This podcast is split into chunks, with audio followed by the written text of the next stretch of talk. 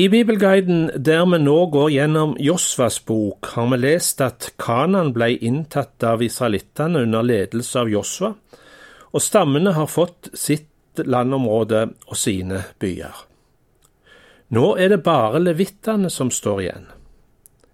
De skal ikke ha land, slik de andre stammene, fordi de er prestestammen og skal ha sitt innkomme, ikke av avling av landets grøde, men av tiende gavene som folk bringer som offer til Guds helligdom.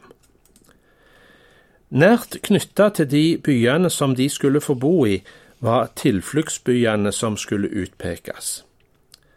Disse byene var fristeder som en manndraper kunne flykte til dersom han hadde drept noen av vanvare.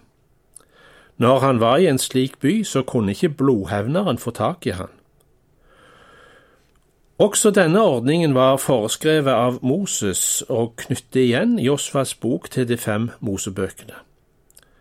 Josvas bok er nemlig opptatt av oppfyllelsen og gjennomføringen av de regler og bud og ting som Moses hadde skrevet ned, og som var formidla fra Gud. Tre slike tilfluktsbyer hadde Moses allerede utpekt på østsida av Jordanelva, og nå skal vi høre hva for noen byer som skulle være fristeder innen Kanans land.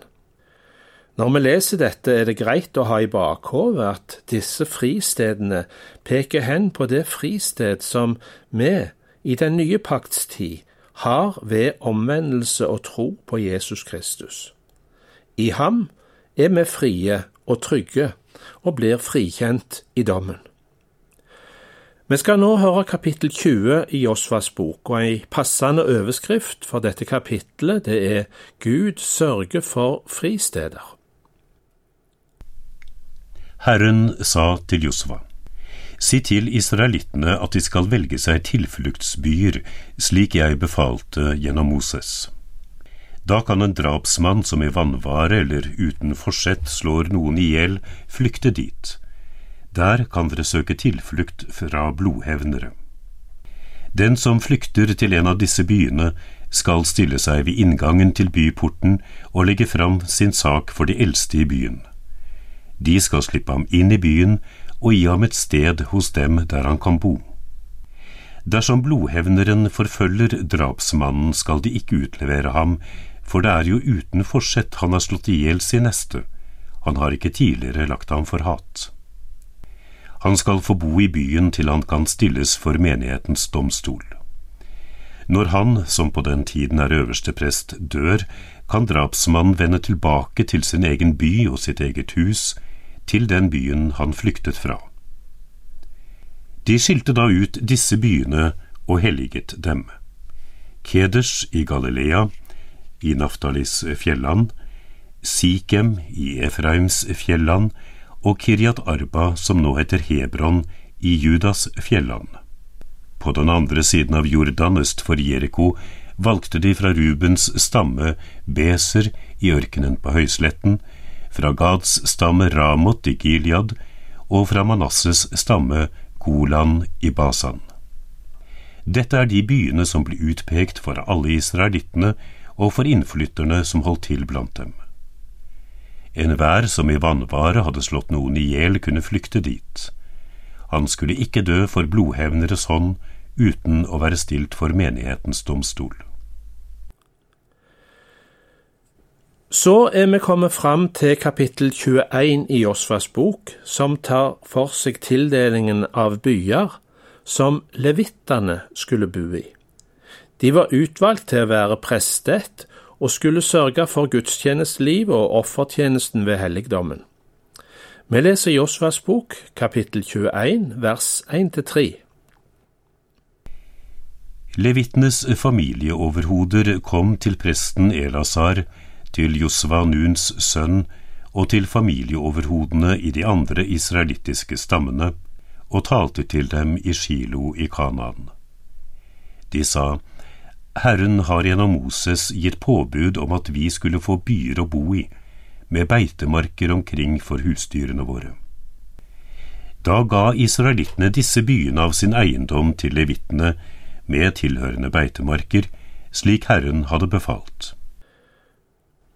Så får vi høre at de enkelte slektene i Levis stamme får tildelt sine byer. I alt 48 byer og tilhørende beitemarker ble gitt som bosted for de tre slektene etter Levi. Det var Kehat-slekten, Gersjons etterkommere og de som stamma fra Merari. Fordelingen oppsummeres i vers 41 og 42 i kapittel 21. Og videre i vers 43 til 45 så kommer det en oppsummering av Josvas bok så langt. Alle levittbyene lå innenfor israelittenes eiendom. Det var 48 byer med beitemarker. Hver av disse byene hadde beitemarker som hørte til. Slik var det med dem alle. Slik ga Herren Israel hele det landet som han med ed hadde lovet å gi fedrene deres. De inntok landet og bosatte seg der. Herren lot dem finne hvile og ha fred på alle kanter, slik han hadde lovet fedrene. Ingen fiender kunne stå seg mot dem, for Herren ga alle fiender i deres hender. Alle løfter som Herren ga til Israels hus, ble oppfylt. Alt skjedde slik det var blitt lovet. La oss merke oss det siste vi hørte lest her. Alt skjedde slik det var blitt lovet. En understrekning av et av hovedtema i Josfas bok, Guds trofasthet. Løftene kan ikke svikte, nei, de står evig fast. I neste program skal vi høre om hvordan enheten og fellesskapet blant Guds folk blir satt på prøve, men styrka, som et resultat av en spesiell hendelse.